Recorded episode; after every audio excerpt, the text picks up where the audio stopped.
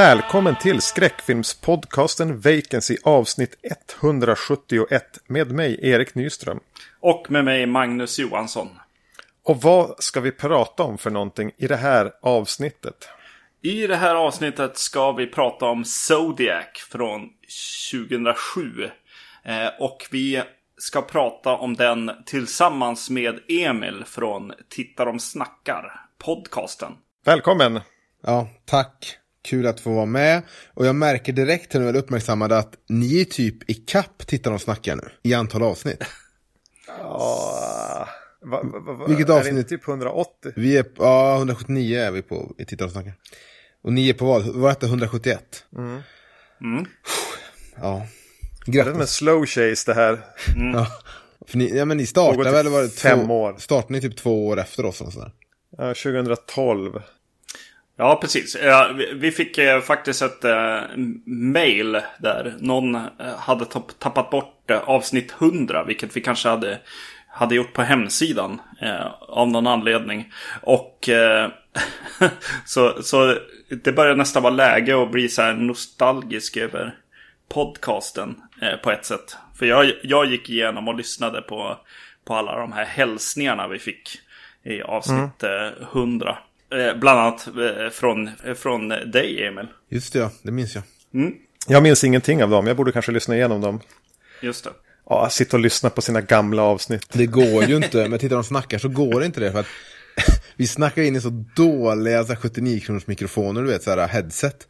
Så det är ju så här, ljudkvaliteten är ju så, det är tortyr. Så jag tycker synd om alla de som ändå lyssnar på oss eh, i början. Nu låter det lite bättre. Eh, men ni har väl alltid kört med era proffsmickar? Jag har haft samma mix sen avsnitt ett. Precis, precis. Magnus sa någonting här bara när vi såg senast att det bara var dags att uppgradera mickarna eller någonting. Just det, just det.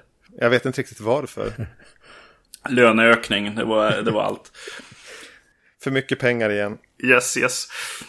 Ja, Zodiac, alltså David Finchers Zodiac. Eh, eh, anledningen är till att jag bjöd med dig här Emil är att jag vet att du är både väldigt förtjust i David Fincher och i den här filmen. Och att du inte har fått prata om den på Titta de snackar. I alla fall inte än. Nej, nej för jag, jag googlade faktiskt min egen podcast, Sitter och snackar, för att se om vi hade pratat om den. Men jag tror vi bara har pratat om Seven och Fight Club av Finchers eh, filmer. Så vi har inte pratat om Zodiac. Det blev aldrig av. Har inte blivit av. Så det tackar jag för. Ja kul. Zodiac. Eh, vi hoppar väl in. Erik brukar berätta vad den handlar om. Ja, ska jag göra det nu alltså? Yes, det här är yes. alltså ett- en, en Finchers ganska minutiösa eh, filmatisering av en, en bok skriven av, vad heter han? Robert Graysmith. Tack. Som handlar egentligen om Zodiac-mördarens karriär. Från eh, någonstans 1968 och fram till sent 70. Eller sen gör den eh, ytterligare tidshopp. Men en, eh, en mördare som eh, härjade på USAs västkust sent 60, tidigt 70. Och eh, skrev brev till tidningarna som eh, även aldrig åkte fast. Är väl kanske den stora. Eh, hans största gimmick. Kände ni till, ha- eh, ja, nu för att jag avbryter där. Uh, Skäll inte på mig nu Erik. Ehm, nej men eh, kände Men ni... det, det är intressantare fråga än att, än att jag ska fortsätta svamla mig igenom vad vad Ja, min handlar om. fråga bara är, kände ni till Zodiac-mördaren innan filmen kom 2007? Jag hade kanske hört talas om att det fanns en som kallades för The Zodiac eller Zodiac. Men inte mer än så. Jag har aldrig varit någon som har snöat in på seriemördare eller sånt direkt. Ja, jag kände nog till Zodiac då, ja. Eh, men bara som olöst fall. Eh, det är liksom USAs Jack the Ripper på något sätt. Eh, just, just i att han eh, var så väldigt eh, teatral helt enkelt. I pressen. Mediakåt. Ja, och, och det, det måste ju varit... För jag menar, jag tror inte jag kände till just Zodiac-mördaren uh, förrän det började pratas om att Fincher skulle göra den här filmen. Men man kände ju till eh, mördaren som skickar brev till, till tidningarna. Och, och den bilden av eh, seriemördaren måste ju ha kommit från Zodiac. Ja, finns det säkert andra, finns väl andra fall eh, av det kanske också. Ja. Men Ja, Jack the Ripper eh, bland annat ja. skrev han också brev? Ja, precis. Yes. Det visste jag inte. Ja, precis. Det, han, han döpte sig själv från Jack och From Hell till exempel så signade han ju ett av, av breven där. Mm. Jag tror att jag visste att den här, eh, vad heter den, första Dirty Harry-filmen, han var baserat på ett verkligt fall som fortfarande mm. var olöst då filmen kom. Eh, och den är väl eh, löst inspirerad av Zodiac-mördaren. Just det. Men nu var det jättelänge sedan jag såg den också. Mm. Minns ni eh, året 2007 då när filmen kom bio? Minns ni ett biobesök? För det eh, har jag faktiskt ja. noll minne av. Jag har sett den på bio, det är jag helt säker på. Men jag har mm. mer minne av när jag köpte DVDn. För det var tiden då eh, Blu-ray och HD-DVD slogs. Så jag hade ångest över att jag köpte en DVD när jag visste att jag kommer säkert uppgradera min samling. Ska jag vänta och köpa HD-DVDn istället? Eh, mm. Men så eh, köpte jag DVDn, för jag minns att jag satt hemma hos min, hos min pappa då. Det var sommaren 2007. Då, då satt jag och lyssnade, eller var det senare kanske? Hur som helst, då, då satt jag i alla fall och lyssnade på alla eh, kommentarspår eh, mm. i en följd efter varandra.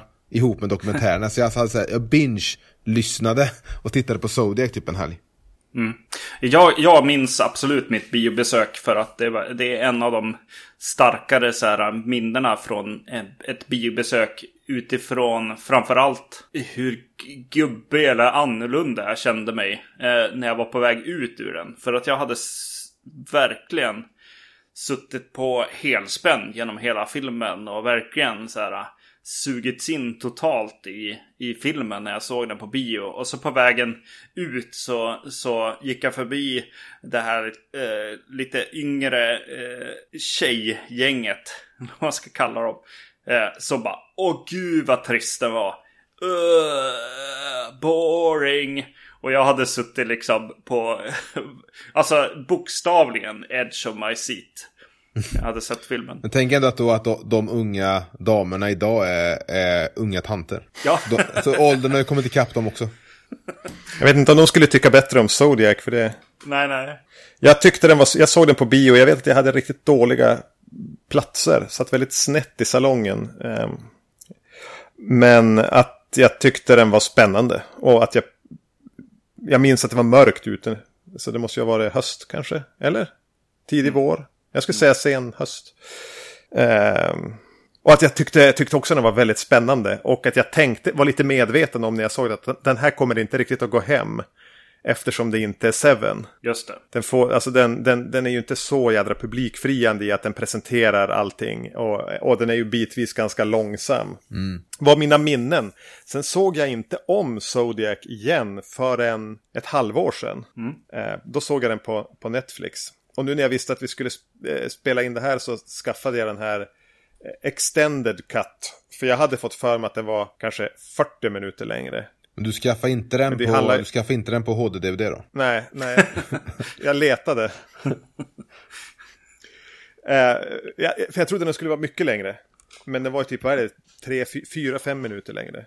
Jaha, det är så jag... lite. Jag, jag vet att det, att ja, det enda jag vet är väl att det är en, det är en, eh, en sekvens där man får se något känt San Francisco-torn byggas. Mm. Och så får man väl höra någon sorts liten eh, musikkollage för att förstå att tiden går tror jag. Mm, men är inte det där byggandet av tornet med i, i bioversionen? För jag tyckte jag mindes det från när jag såg den i höstas. Om det är det så missade jag det när jag såg den på Netflix nu. Ja. Och jag kan säga så här, 2007 så hade jag haft expertkoll på det. När jag som var, kanske mm. var i någon sorts var som mest Fincher-fan. Mm. Eh, till saken eh, på biobesöket är väl också att jag... Eh, jag, jag vet inte om jag var, blev gubbe tidigt eller att eh, det, det var någon slags eh, den här... Eh, när man ska vara lite tuff liksom. Som musiksmak, att man att, att så här, Rage Against the Machine är lite för mainstream så det går inte att lyssna på och sådär. Eh, att, jag, att jag var i den eh, modet kanske när jag såg till exempel Seven. Eh, där det kändes eh, för mig då eh, alldeles för mycket musikvideo. Inte, inte alls eh, någonting som, som jag skulle tycka om på något sätt. Eh, jag har faktiskt inte återbesökt Seven. Eh, men, men, jag hör ju det. Men vilken, vilken ålder var ni då 95 när Seven kom? 16. Mm. För då borde, det, då borde det varit som enklast att ta till sig Seven i den åldern. Jo, jo. Det gjorde, jag tyckte om den när den gick på bio då. Mm. Um, Men den ser ju inte ut som en musikvideo. Alltså du tänker bara på för, du minns bara förtexterna nu jag. Ja, precis. Eh, förmodligen det. Det var någonting som, som inte funkade för mig med David Fincher. Eh, Du ville bara vara indie. eh, t- ja, förmodligen. Eh, tills då eh, Zodiac dök upp egentligen. För jag såg precis nu innan vi spelar in såg jag om Panic Room. Som jag hade ganska minnen av att det är nog en av dem jag tycker bättre om. Men, Och, det- Finns den på Netflix? Nej. Nej, jag såg den på DVD. Eh, jag tycker ju bäst om Fincher när han, när, han inte, när han håller sig lite lugn. Alltså när han håller sig till, att, till storyn och inte är lika full av infall. Som social network eller så, eller? Va, menar du att den är full av infall? Nej, nej, nej. Utan, utan Ja, ja, jag precis. menar... Ja, Eh, ja, alltså jag skulle säga att Social Network är en av hans bästa filmer. Och eh, Zodiac och Panic Room. Men inte alltså, alla film... Det är, väl, det är väl egentligen bara Fight Club som är den där, i, den där gigantiska, alltså nästan eh, masturberande infallsfilmen. Och det är det, jag har, det, är det, jag, det är det jag har börjat inse i efterhand nu när jag har återbesökt flera av filmerna. Att det är nog så. Alltså för Seven, förutom förtexterna, är ju väldigt stram. Ja, den är väldigt, det känns väldigt klassisk. eh, I, ber, i berättandet, väldigt lugn, stilla foto. Jag tror det är en eller två, sek- två sekvenser måste det vara som är handhållna i den filmen. Resten är ju på räls eller eh, stativ. Mm. Jag, jag, jag, är, jag är jättesugen på att se om eh, Seven, definitivt. Eh, Du får göra upp med dig själv lite grann och se om Seven. det ska jag absolut göra. Yes. Ehm, ska jag säga något mer om Zodiac? Ja, ja, den berättar historien utifrån perspektivet från eh, några journalister och några poliser. Men den varvar ganska mycket tidningsarbete polisar, med polisarbete. Och spänner ju då över en, ja sammanlagt blir det väl en 25-årsperiod nästan. Men med störst fokus på första delen av 70-talet. Precis, och, eh, och just att den är baserad på den här boken eh, av Robert Graysmith gör ju att eh, det blir ganska centrerat runt honom eh, och framförallt över hans eh, teori över vem som är mördaren. Även om jag nu, för den här gången jag såg filmen försökte jag verkligen koncentrera mig och förstå vad som händer. Det känns som att var tredje gång man ser Zodiac så hänger man inte riktigt med. Eh, främst när de bara pratar om geografin. Här kände jag typ att nej, ska jag pausa nu och ta fram en karta över eh, Kalifornien och San Francisco och se vart allt det här ligger. För jag, jag förstod liksom inte avstånden mellan de olika polisdistrikten och sånt. Eh, Men det jag tänkte på här var ändå att jo, men när, när Graysmith tror att det är Rick Marshall som är mördaren så, så, så berättar ju inte filmen för oss att nej, men det är ändå den här Lee-personen, utan då man följer ändå så nära Graysmith att, att jag tycker att de inte har effektiviserat bort liksom felspåren i manusprocessen. Och med felspåren så är det lite citationstecken för det är, ingen har ju dömts för det här mordet. Men, så det tycker jag ändå om, att plötsligt så följer vi den här Rick Marshall-karaktären och tro, då ska vi tro på det ihop med Graysmith. Och sen ändå så slutar det upp med att vi hamnar tillbaka till han uh, Alan Lee, eller Lee Allen heter han. Ja. Det är väl lite grann för att vi ska få följa med hur han eh, bara hoppar hit och dit i, i alla sin besatthet lite grann. Mm. Och, och det är ju ett fräscht grepp i en film va? En, en, en- man som blir besatt av någonting och kastar bort allt annat och bara gör det. Eh, precis, jag, tänk, eh, man, eh, jag personligen tänker ju ganska mycket på Michael Mann när det kommer till såna här typer av film. Där det känns som att jag tittar på researchen. Eh, och då tänkte jag faktiskt på kvinnoporträtten och sånt i, i filmen. Eh, och det känns ju som att eh, David Fincher gärna håller, håller sig borta från det. Eh, till viss del i den här filmen. Eh, till, jag, måste, jag måste, men ja, jag, gör det lite, lite vid sidan av på något sätt, tycker jag, i den här filmen. Jo, men han, väl, han väljer vä- väl att ligga nära utredningen. Eh, Ja, mer ja, precis. och, i, och ehm, till exempel hon Chloe Sevigny. Hennes karaktär spelar, Mm. spelar fru då till uh, Gyllenhaal. Hon finns ju bara med som ett sätt att visa på hans besatthet. Det är ju den, alltså, och jag, ja. Mm.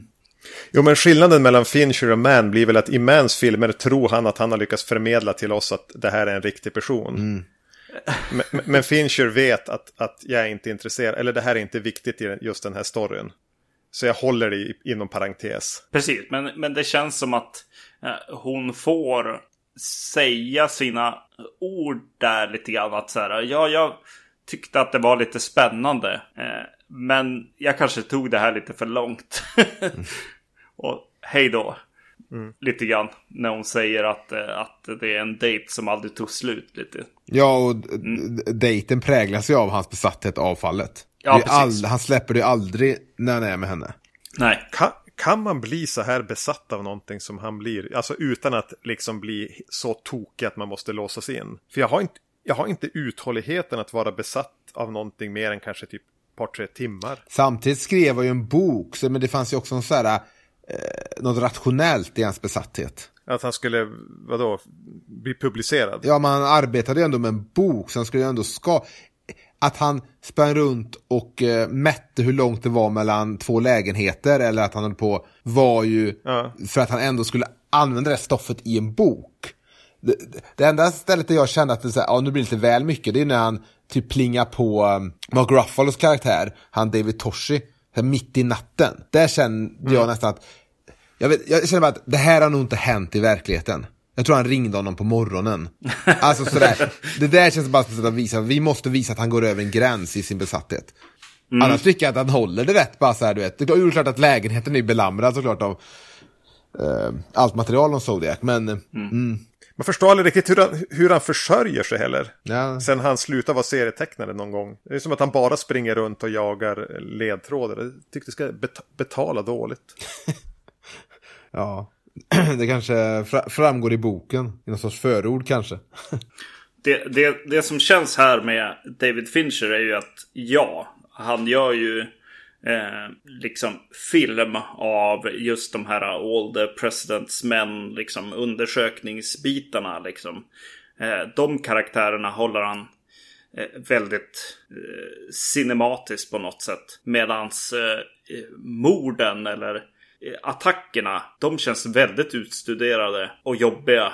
Eh, mm. Där känns det som att, att yes, här finns det faktiskt konkret information som jag kan använda. Mm. Och göra det till något jävligt obehagligt.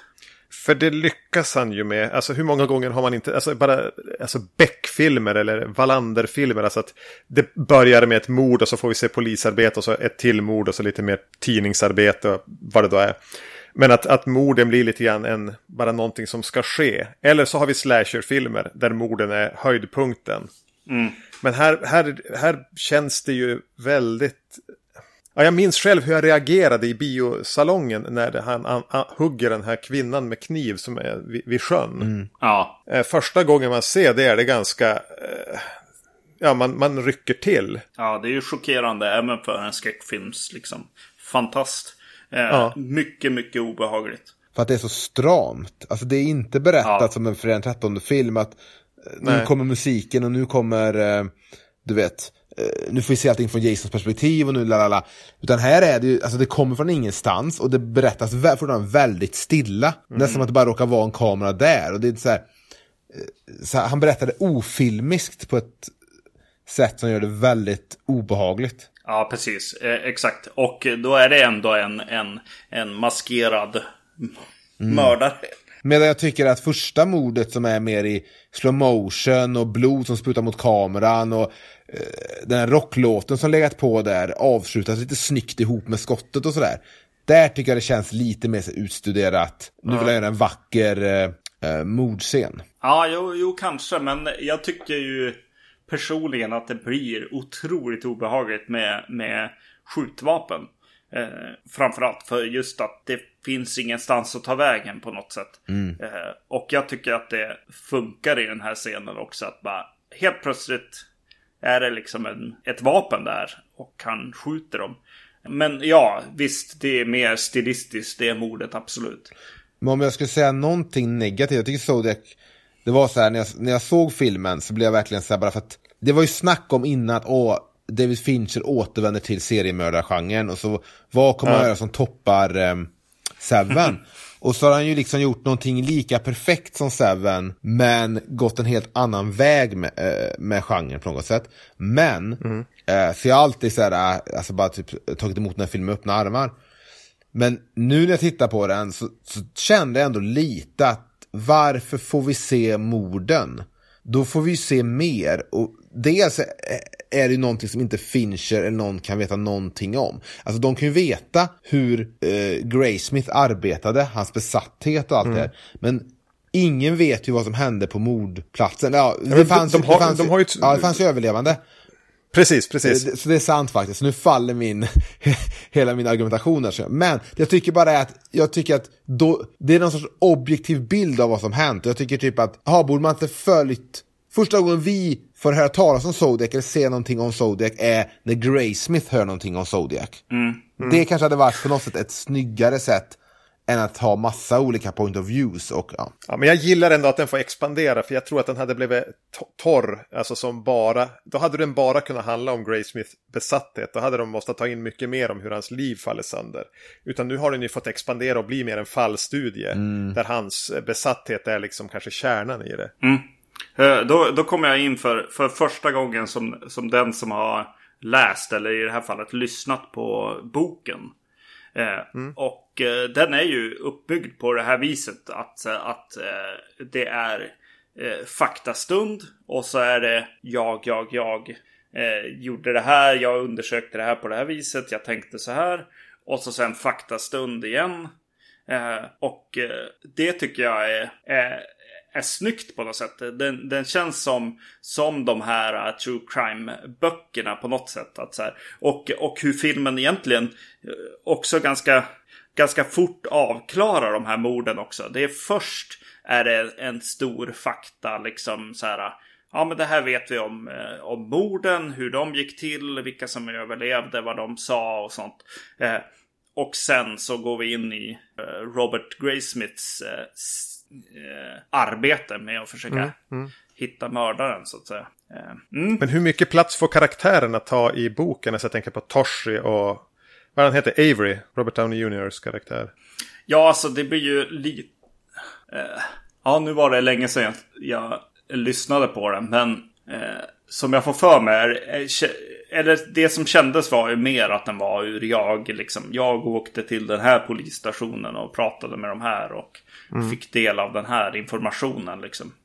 Eh, mer än kanske att berätta om just Toshis liv på något sätt. Eller, eller mm, så. Eller... Mm. Så, så, så det är nog mer research som har gjorts på något sätt. Eh, att, att, eh, men att han blir själv utpekad lite grann där och, och att vet du, han eventuellt har skrivit några av de här breven och sånt. Det är ju eh, med i boken, absolut. Mm. Och det, det, I filmen var det lite som att det bara kom och gick. Jag förstod inte riktigt där mm. varför han blev... Eh, varför de trodde att han hade gjort det och allt det där. Det var lite så här, bara var han sparkad. Ja, det var lite som en parentes i, ja. i, i, i, filmen, ja. Eh. Jag jag trodde att när jag skulle se den här i, mitt, i min fantasi nästan en timme längre extended edition så skulle man få, var det en bit jag tänkte på när jag såg den i höstas att det här kändes underutvecklat mm. och bara förbisopat att nu kommer vi att få en kvart till på vad som hände med han. Mm. Men det kommer ju egentligen bara i en text i slutet. Hur det... Ja. Och, ja. Men tänk då om man hade kanske inte visat morden förrän de, var, de hade skett. Så hade man kanske haft, haft med plats åt Mark Ruffalos mm. där. Ja. ja. För filmen var ju också längre. Uh, David Fincher hade ju Final Cut här. Uh, men gick mm. med mm. på att klippa ner den när Paramount vänligt bad honom. Kan du klippa den lite, lite kortare? Mm. Jag vet dock inte hur lång den versionen av filmen var, men... Nej, just det. Uh, alltså, när, ja det, precis, just det. För du är inne på någonting där att man, man vill se mer av Mark Ruffalo och eh, vad heter han, Dr. Green. Anthony Edwards. Pappa, pappa i Pet Sematary 2. Goose i Top Gun. Just det. det, jag tror vi hade den här ramsan när du var med och gästade om Pet Cemetery.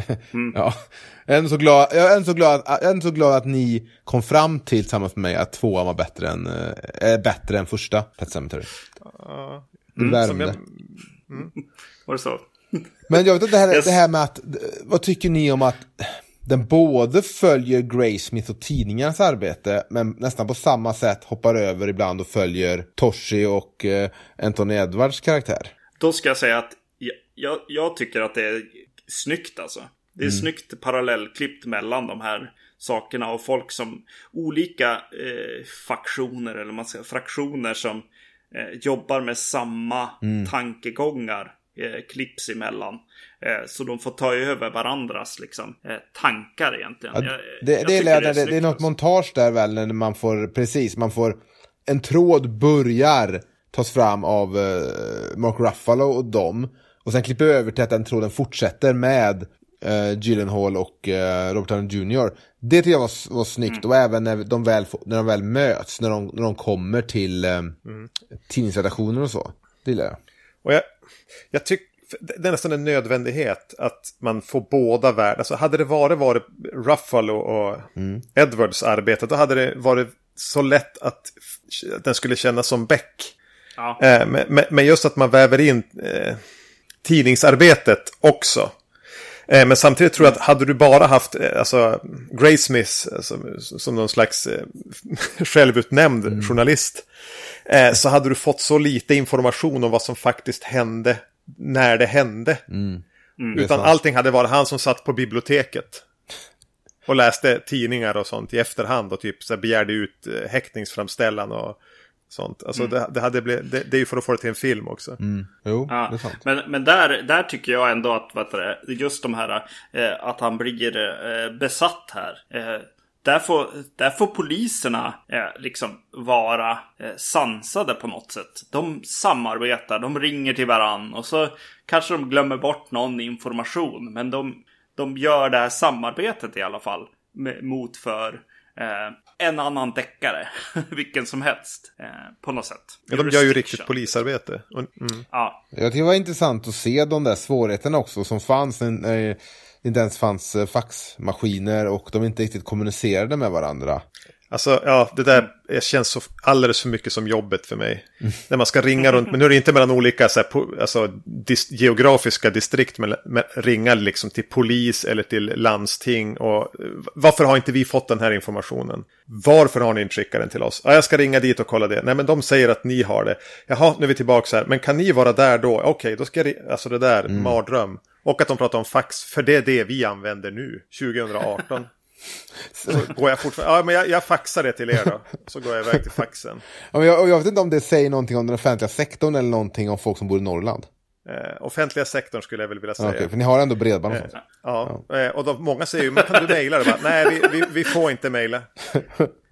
Jaha, okej, okay, kanske finns det säkerhet ja. såklart. Ja, eller så vi har inte, vi har inte så krypterad mail och sånt. Så, så det, det, det kändes, just den där han sitter, det är väl Anthony Edwards som har den scenen. Mm. Mm. Nästan, för, nästan lite ont i magen. Men det är ju det som är så härligt med filmen tycker jag. Att så här, yes, där satt den på något sätt. Snarare mm. än, eh, än vad det kunde bli. Det är klart att ja, Robert Graysmith får vara eh, serietidningsvarianten på något sätt här. Mm. Jag tycker ändå Jake Gyllenhaal gör, gör det rätt bra i att jorda den. Eh, ja, det tycker jag också. Den jag tycker står ut i den här filmen eh, som...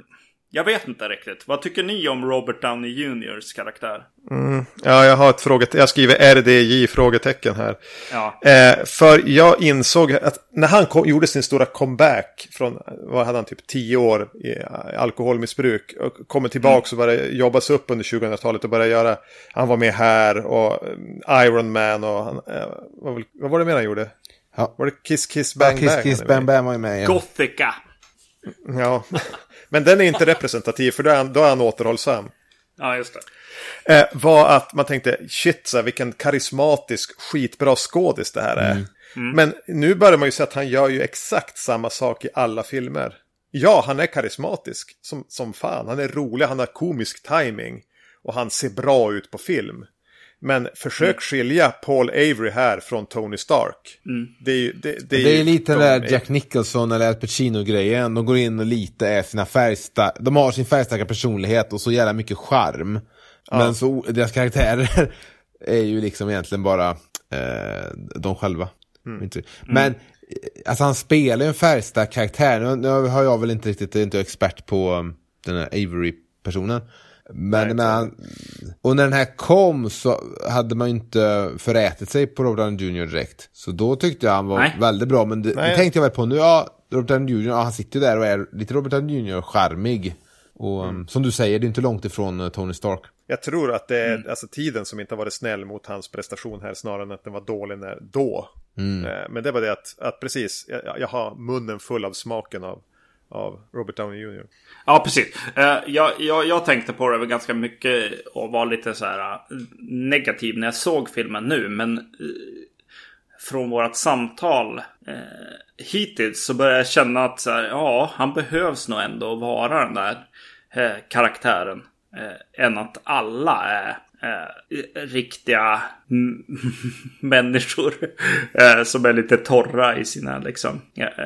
Eh, vad heter han? Anthony Daniels eh, Edwards. varianten. Edwards ja. Vi har ju även eh, Brian Cox där som den advokaten. Som också Ja, han är ju väldigt... storslagen också. Ja, och då, där är det också så här jag undrar, är det överspel eller spelar han bara en sån otroligt färgstark karaktär? Eller, alltså, det, det, det, det som jag har sett är ju i liksom, det finns ju den här intervjun och sånt finns ju eh, på YouTube och sånt som, som eh, de är med i där tv-programmet. Och eh, han spelar ju honom precis som han verkar ha varit. Absolut. Eh, väldigt eh, full of himself liksom. det var bara någonting där i den här scenen när de, de kör honom han ligger ner i baksätet. Där det känns nästan som att, ah, okej, här, har- här, har- här har liksom producenten verkligen satt ner foten och sagt, alltså ni måste göra det lite roligt. Och få in lite färg i filmen. Ja, och det är väl lite av de scenerna, nu har jag inga bra exempel, men det är några lite, lite forcerad humor. Alltså att, att, att Toshi ska få säga någonting lite snappy, eller då framförallt eh, Robert Downey Jr. Och, och den här Bella, eller vad han heter. Karaktären. Att Jag, de, jag, mm, sorry. ja, ja, jag var klar där. Ja, eh, jag, jag, jag känner lite grann att, att eh, den här eh, David Fincher-filmen är väldigt mycket baserad i Robert Graysmiths syn på hela läget egentligen. Eh, på, på alla de här karaktärerna han möter och sin upplevelse av alla, alla personer och kanske till och med eh, liksom att de, att de spelar liksom. Oh, om Robert Graysmith tyckte lite illa om någon så får den karaktären vara eh, lite avskyvärd. Eh, är det det som jag känner att David Fincher har gått in här och gjort på något sätt. Jag ska göra den här bo- boken. Jag ska göra research. Jag ska prata med alla involverade. Framförallt Robert Graysmith. Och berätta hans historia. Det är väl det som jag känner med den här scenen i källaren till exempel. Där det blir liksom onaturligt. Övernaturligt menar jag. Det, det, det tycker jag det, det är en scen jag... jag det, det här, många pratar om den här äh, mordet vid sjön, att det är så läskigt och det håller jag med om. Men sen pratar människor om att det, att det skulle vara någon så här, äh, visa vilken mästare det finns det är, den scenen i källaren. Jag har alltid, redan, jag, jag har ett vagt minne av den från bio. Jag vet, jag vet inte när jag såg den eller hur jag såg den med vilka. Men jag har ett vagt minne av när den scenen kommer. Så väntar man, ah, okej nu kommer liksom det klassiska. Eh, på något sätt. Vi, vi lämnar tidningsredaktionen och folk som pratar om fallet. Och nu ska det bli lite så här klassiskt Hollywood-läskigt. Men, men nu, alltså jag tycker den känns lite udda och jag tycker inte den är så, inte nu när jag ser om den, på bio var det väl skitläskigt då, men nu tycker jag inte att det var så läskigt. Det var mer, jag tycker det mer var konstigt att, det var, att den scenen var med. Den känns, den känns väldigt skild i övriga. Och han, han, och han Graysmith kanske var livrädd i den källaren. Det är det jag känner lite grann. Ja, att han var det. Ja, ja precis. Det är det. Det som känns för mig att vet du, här pratar vi bara utifrån Robert Graysmiths upplevelser snarare än av, eh, det, det faktiska som hände liksom. Och då blir det helt plötsligt, eh, jag vet inte, men när två- lammen tystnar eller någonting liksom. Ja, men, men för mig jag känner typ att, att en producent har sagt så här typ, att det finns något avsnitt här i boken och i manuset om att han går ner i den här källaren. Alltså där måste ni göra den när lammen tystnar. Alltså, vi, vi lägger ut 90 miljoner dollar vad den här filmen kan ha kostat. Ni måste verkligen få det lite när lammen tystnar också. Ja, för jag, jag, jag köper ändå så här att, den, att det är hans, alltså att filmen hänger sig till hans upplevelse av det.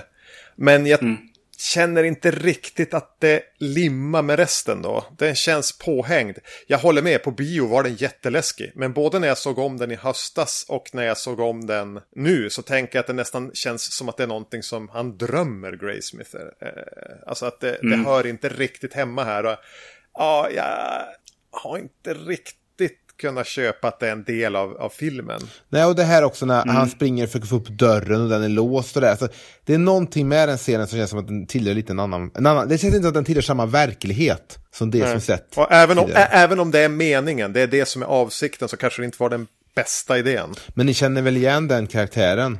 Skådespelaren mm. som spelar? Han, han har vi också pratat om tidigare, när du har gästat oss. Ja, han är ju med i uh, han spelar ju sömndoktorn i, ter, i uh, Terapeut 1. Mm. Dit, uh, där Nancy får sova lite med, och de läser av hennes drömmar. Är han Roger Rabbit? Ja, det är, han är rösten till Roger Rabbit också. Ja, just det. Uh, det, jag, jag, det bara slog mig nu att om jag, om jag ska tycka om den scenen och känna att, att det är David Fincher pratar om hur Jake Gyllenhaals karaktär Robert Graysmith känner i det här fallet så måste jag också tycka om Robert Downey Juniors eh, rolltolkning. Eh, definitivt, eftersom att han är någon slags hjälte för honom tills dess att han går in i hans liksom husbåt eller vad fan han, han är i. Mm. Mm. Just det. Ja, det är sant. Mm, intressant.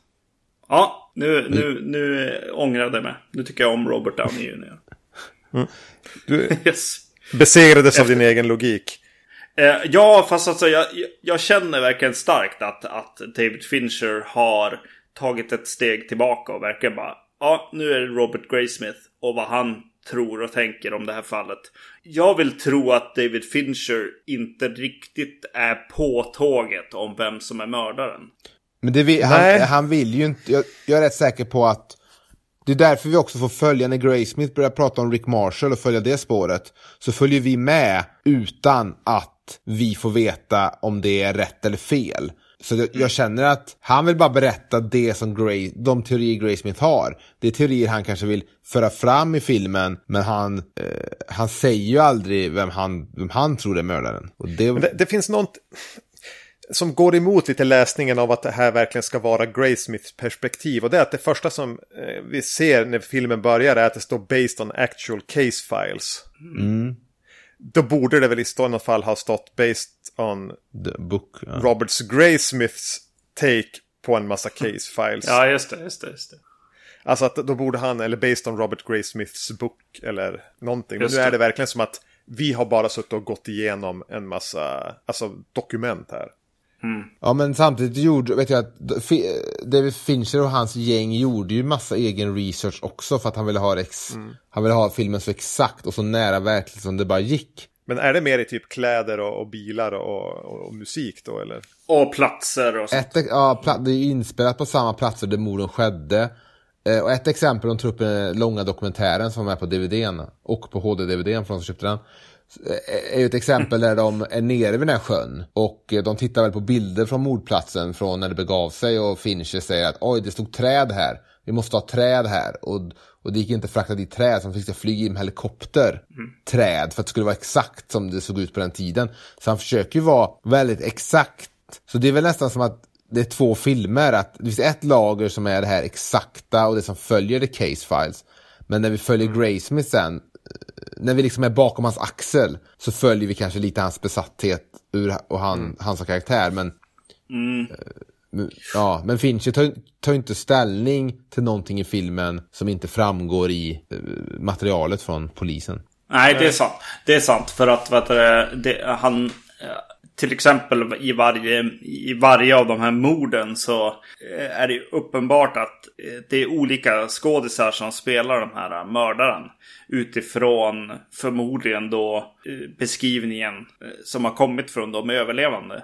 Ja, mm. Jag vet inte om det uppenbart var inte för det för mig, men jag tycker det var jävligt smart det du sa nu. Att såklart att så mördaren såg ut vid alla de olika brott, eh, morden borde ju precis varit efter hur vittnen har beskrivit personen vid tillfället. Det lät som en jäkligt snygg, snygg sätt att göra på. Ja, jo men det, så, så, så är det. Mm. Om man tittar, tittar efter det, yes.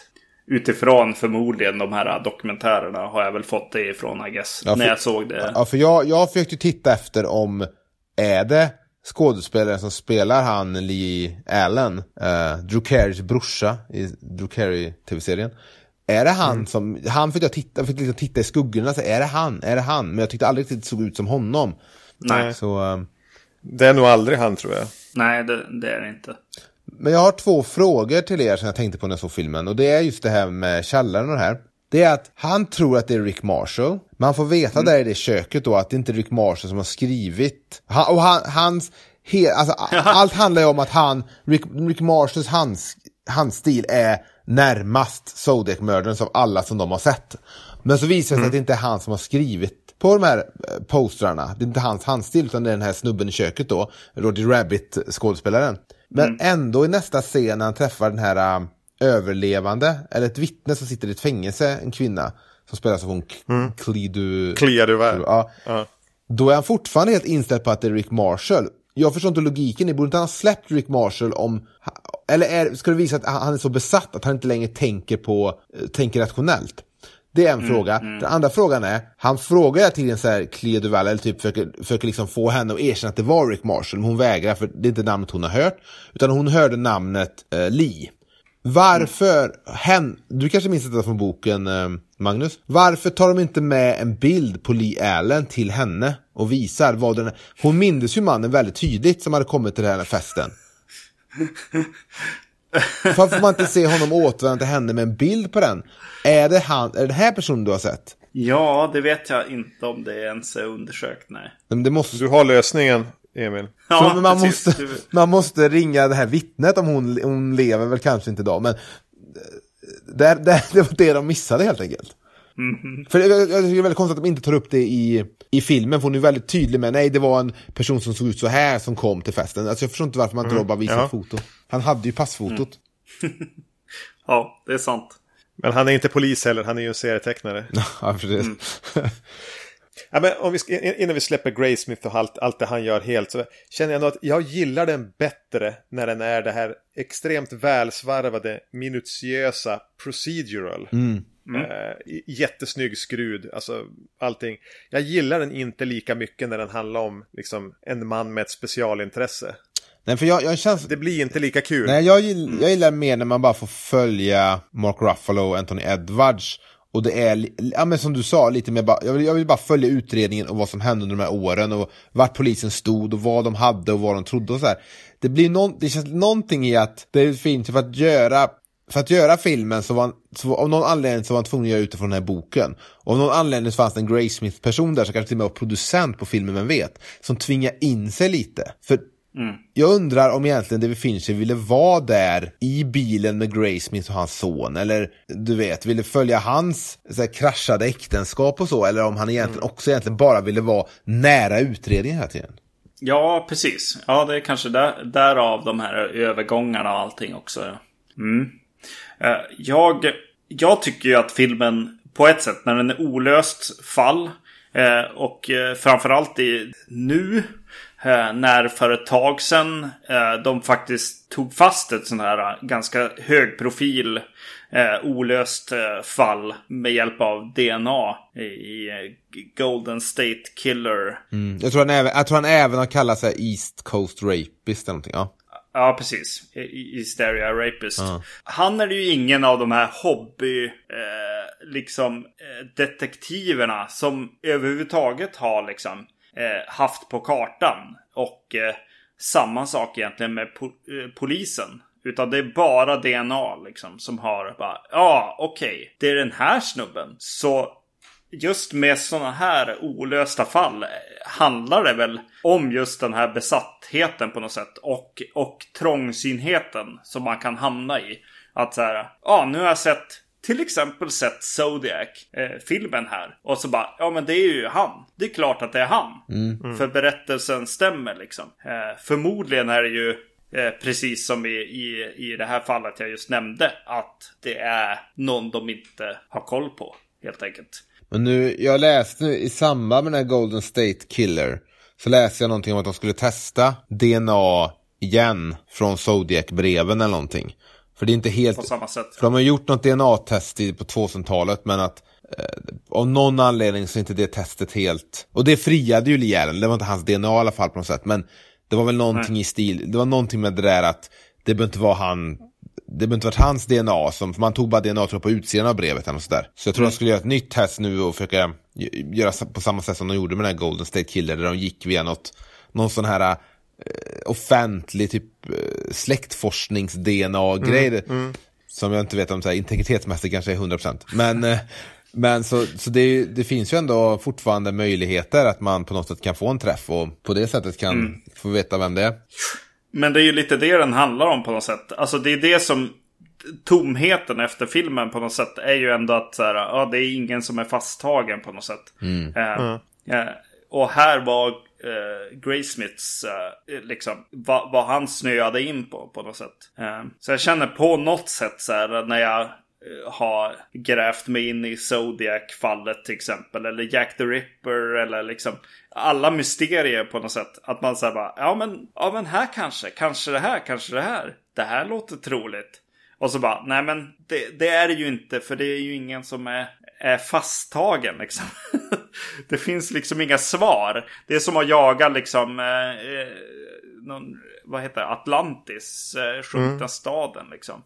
Men JFK-filmen är också ett bra exempel på det. När du har sett den så är du så övertygad om att det är en konspiration att ingen, ingen an, inget annat alternativ är, är det minsta trovärdigt.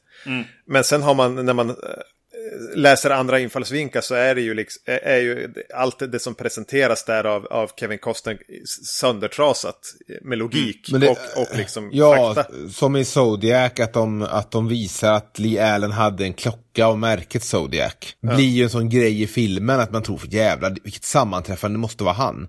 Men jag menar, bland de 15 000 människorna som på något sätt har, har namngett som att vara Zodiac-mördarna eller har tipsats om, så hade säkert fler en sån klocka, men det är så här, det spelar ingen roll. Jo, det, eh, precis. Det är ju den där intervjun och det, och det är ju jävligt coolt tycker jag i filmen hur den eh, görs på något sätt. Blickarna och allting liksom. Eh, och eh, hur de bara står där tomma. liksom. Poliserna efteråt liksom. För att eh, just hur han eh, hur han hakar på och är väldigt på med så här. Ja, du, ni söker mig för det här. Och ha- han, han pratar om någon slags eh, blod i någon bil eller vad tusan det var liksom. Det, det är väldigt eh, sensationellt på något sätt. Mm. Men det är ju ganska tydligt att, att de har väldigt lite på, på Lee Allen ändå. Eftersom att de har svårt att få ens en husrannsakan.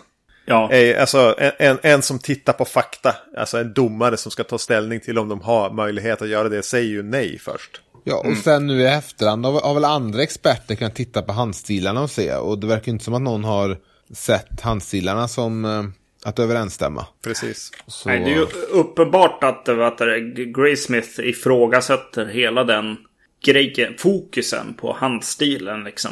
Eh, som eh, poliserna går efter liksom. Ja, Men sen, sen eh, läste jag också på Wikipedia att bara ett av hans såna här, ko, inte kodex, vad heter de här, Cypher. ja. Schiff, Skiff, heter ja, det inte så? bara ett av dem har väl löst och det var väl första som den här lärarinna eh, löste. Eller vad då. Så de, det, det finns ju fortfarande gåtor för uh, privatspanare att sitta och... Ex exakt, och det är väl det som är det mest spännande på något sätt med, med Zodiac. Hur han, hur han eh, skriver till, till pressen och framförallt eh, sätter ut de här gåtorna på något sätt. Eh, för någon att lösa. Och jag, det är ju där också, alltså vad fan. Då blir jag ju präktig. Som tycker bara, varför tittar vi, varför just de här morden? Varför har man gjort flera filmer? Varför har det skrivits typ fler böcker än vad det behöver skrivas? Varför har vi en massa privatspanare som, som viger sitt liv åt att läsa eh, saker? Varför sitter vi och pratar om det här? Om, han, hur många mördade han? Om det nu ens är samma som mördade ihop. Fyra, fem stycken tror, är, kanske. är det sju som bekräftade och så är det väl 35 som har, eller något sånt där. Som, som han, så, jag tror han tog äran för 35 ord, lite så Isis-aktigt. Och sen så är det sju som han faktiskt tror, tror jag, som faktiskt dog. Och då är det ändå ganska vagt eftersom man inte har tagit fast någon. Ja, och sen, precis. jag menar det här äh, i filmen, den här scenen på ähm, motorvägen där när han eh, hotar de att slänga ut barnet och det här. Den scenen. Där är det väl ingen som egentligen tror jag tror det är väldigt vagt, alltså jag tror inte så här, jag tror inte, jag tror inte Toshi och de trodde att det var Zodiac-mördaren till exempel. Nej. Så det är väl en sån scen som kanske Fincher, det var väl en, eh, han vägde väl där, ska vi ta med detta eller inte? Men det kanske är en sån sak som man eh, eh, inte hade behövt ha med kanske. Men varför Nej. läggs det så mycket krut på de här morden och inte på... Det finns fler, det finns många ouppklarade mord. Alltså det, jag, jag blir så... Det här, just det här att det här säljer. Det här har det här kittlande. Alltså är de morden mer värda på något vis att uppmärksamma och jobba Men på. seriemördare är ju, är ju fascinerande och har väl alltid varit. eh, Det är väl inte så, jag menar, har ni kollat på Mindhunter? Ja, jo. Nej, nej. Vill, gillar du Nej, men jag blir, bara, Ja. jag blir bara trött av det. Jag blir bara så här, för mig är det på något sätt ett av de här yttersta bevisen på att vi som med den mänskliga rasen är som inte riktigt värd att bevara. Alltså vi, vi, det, det, om någon skriver ett skiffer och mördar någon, då är, då är det värt någonting. Om fem barn blir mördade av de- sina föräldrar, det spelar inte så stor roll. Men nu pratar du lite utifrån eh, din, eh, din, din, eh, din roll, din yrkesroll. Nej, mer bara som en, en eh, besviken människa. Jag menar, 1991 när du gick och såg När lammet tystnar på bio så kände du väl en jävla pepp att se lite seriemördare? Jo, men då var jag ju även ett barn. Ja. Sant. Jo, men Och då den- tyckte jag ju att MacGyver var Ja, spännande men jag också. satt för två somrar sedan nu kanske, så råkade jag sitta, då var jag hemma hos min mamma liksom på sommaren eh, på min eh, ledighet. Och satt på hennes balkong stora delar av dagarna.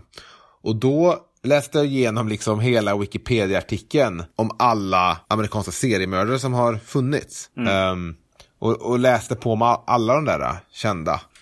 Eh, ja. Och nu säga om det, jag tyckte inte det var så, då blev jag lite mätt dock, för då blev det till som att jag inte ville sen. Det var så här, nej men jag, jag kan inte ta en till, två män som tillsammans mördar folk. Det är så här, så då, blev, då blev jag lite mätt på det. När man väl på något sätt fick det så, det var så väldigt överväldigande när man läste om allt som, all skit som hände på så här 70 80-talet när det var den stora seriemördarepidemin. Nej, det är någonting med hela true crime-vågen nu som... Alltså det smakar inte bra. Det är någonting hos mig. Det, jag, och jävligt präktigt så här, he, moralens väktare. Visst, okej då, jag är väl det. Men eh, jag tycker att det är osmakligt. Det finns ju mysterier eh, på film. Påhittade mysterier. Men- Som, är, som får vara olösta. Vad fan heter den? Picnic at Hanging Rock. Fundera på det istället. Men, men det kände jag, jag vet inte om jag kände med Zodiac, för det var, med, det var så, som fokus ändå på eh, Nej, utredningen. Men, men hela det- men, men Mindhunter, när jag såg den serien då, det finns en tv-serie på Netflix, som eh, handlar, handlar också om seriemördare och när FBI tar fram begreppet seriemördare och de måste intervjua massa seriemördare då för att förstå liksom, vad är en seriemördare. Där kände jag dock att det blev lite, jaha, här är en till färgstark seriemördare som vi ska få höra prata om hur han, du vet, våldtog det, han mördade den, han skulle straffa sin mamma och så här. Och då kände jag lite att nu, men nu känns det som att ni bara gottar er i de här äh, originalen äh, som har mördat. Där, här, det tycker jag blev, även om jag tycker Mindhunter var väldigt sevärd. Eh, så där kände jag lite det där att, vänta nu, den här scenen går ju bara ut nu på att vi ska fascineras av den här galna fan. Men du gillade Mindhunter, Magnus, eller? Ja, det gjorde jag nog. Ja, eh, utifrån liksom. Ja, alltså jag är ju, jag gillar ju det här. jag gillar ju true crime-grejen och, eh, och blir fascinerad. Eh, som allmänna personer verkar bli nu för tiden. Så ja, jag gillade nog den. Mm, Jag tror, ändå, jag tror ändå det finns någonting i det där att sitta där 1968 på sin kammare och, och hitta sin egen gimmick som seriemördare. Men, men, men den är ju, alltså, Mindhunter är ju för verkligen riktad till, till oss som gillar true crime. Och- har läst den här Wikipedia-sidan. Den är ju för att vi ska eh, känna igen de här grejerna. Och det som inte sägs ska vi också veta eh, lite grann.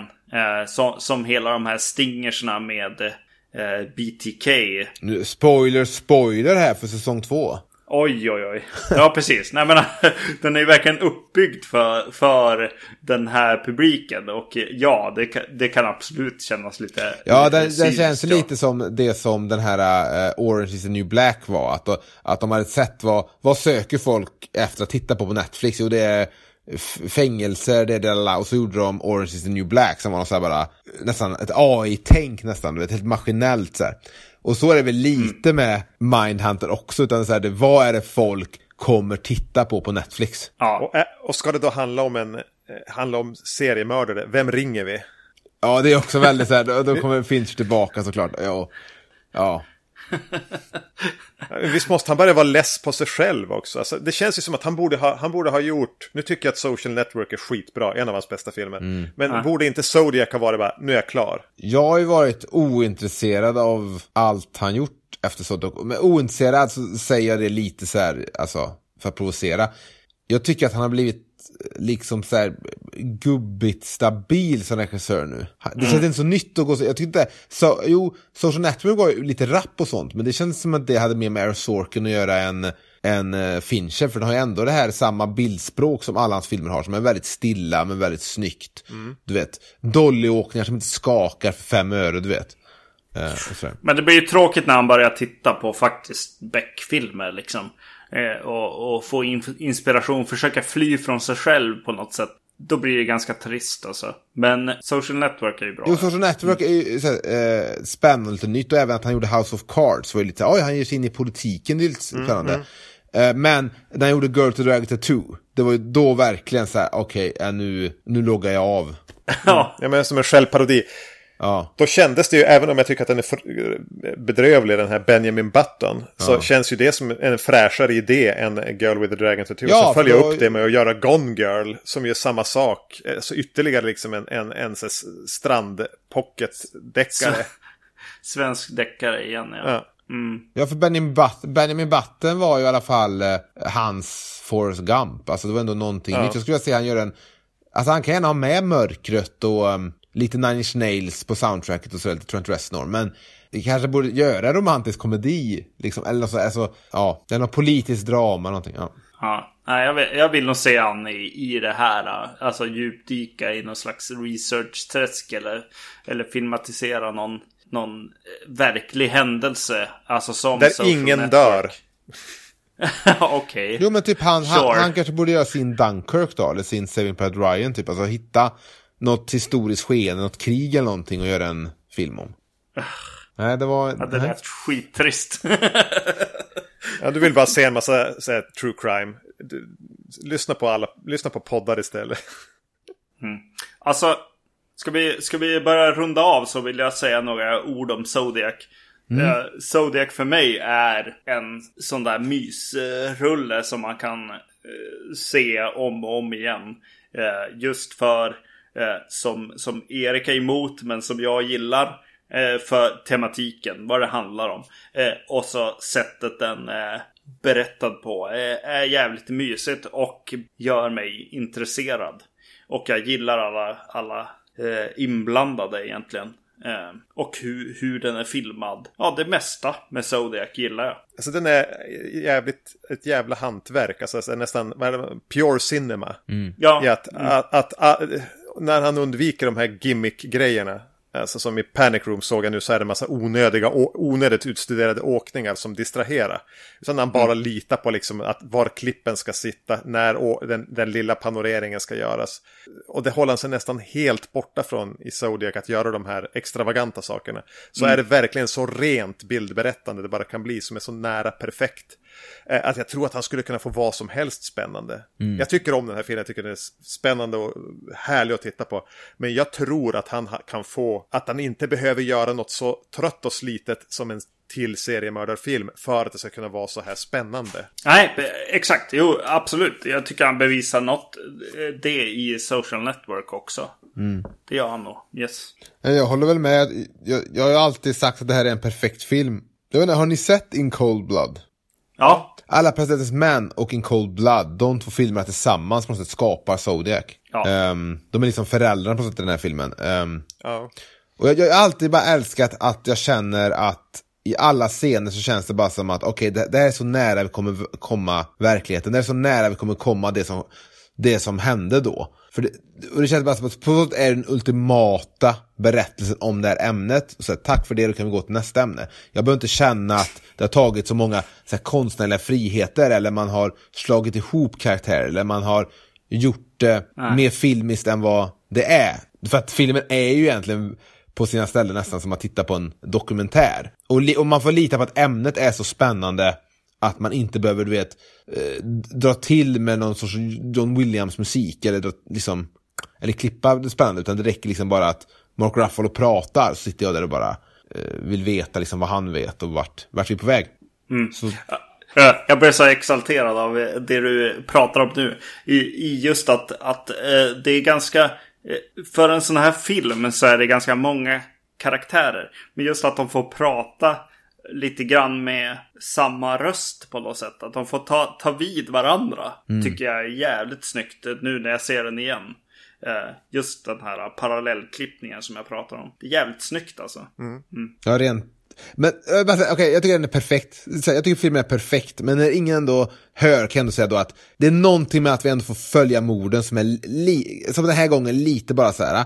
Och även att, jag- jag tänkte nu att det var många scener som var så här, tona upp från svart, vi får se någonting, eh, en scen, sen tona ner i svart. Det var mycket så här, det känns som att på vissa ställen tyckte jag att liksom, på något sätt själva klipparbetet eller narrativet var lite sådär start och stoppigt med vad vi fick se. Ja, får inte dra bort det draperiet och visa mekaniken nu. Jag tänkte inte på det. Men, men, men, men, men, men samtidigt så var det även de här som du pratade om, de här eh, parallellklippningen och lite montage som dyker upp som är så här fantastiska i filmen.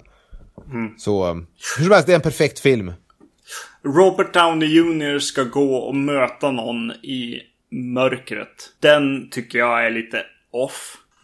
Eh, och eh, det här i bilen. När hon får, liksom, när det kommer någon och drar, eh, lossar på hennes däck och, och sånt här.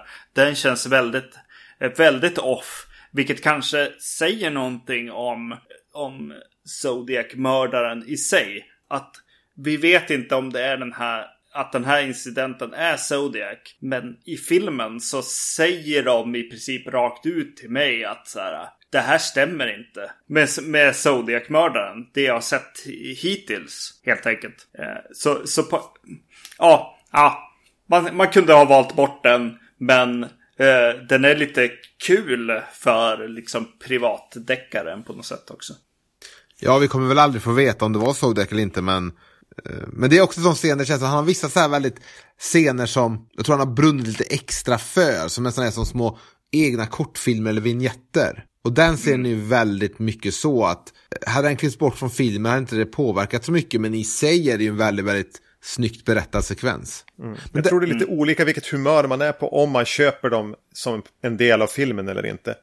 Jag tror att eh, det kan vara från gång till gång om man tycker att det smälter in bra, alltså de här lite infallen, eller om man, om man tycker att de sticker ut. Jag, ja.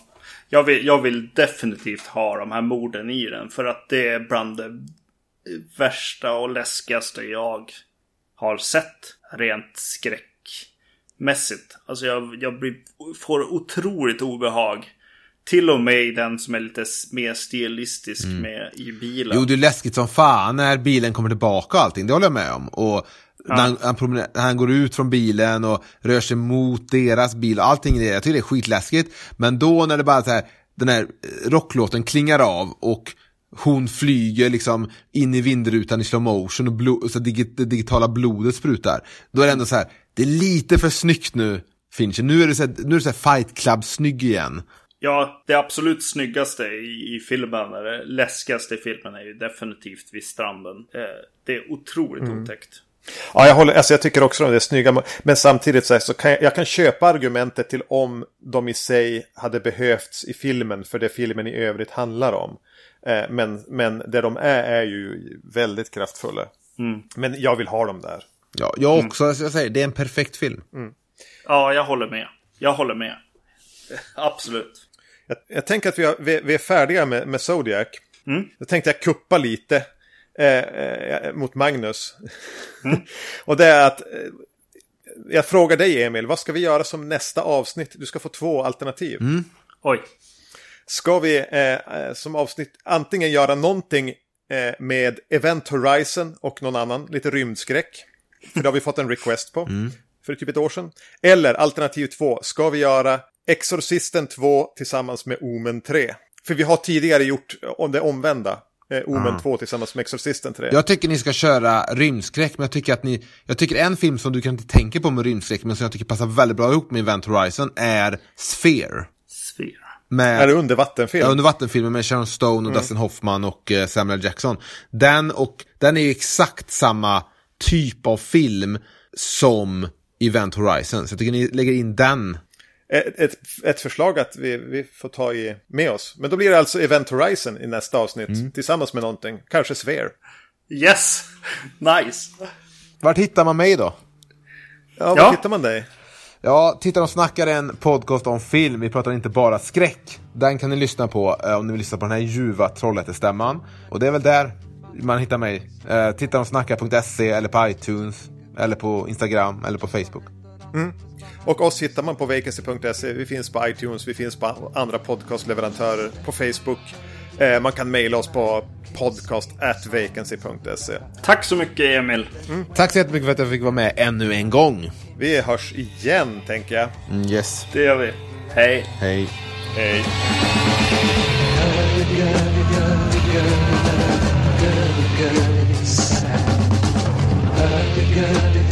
Good,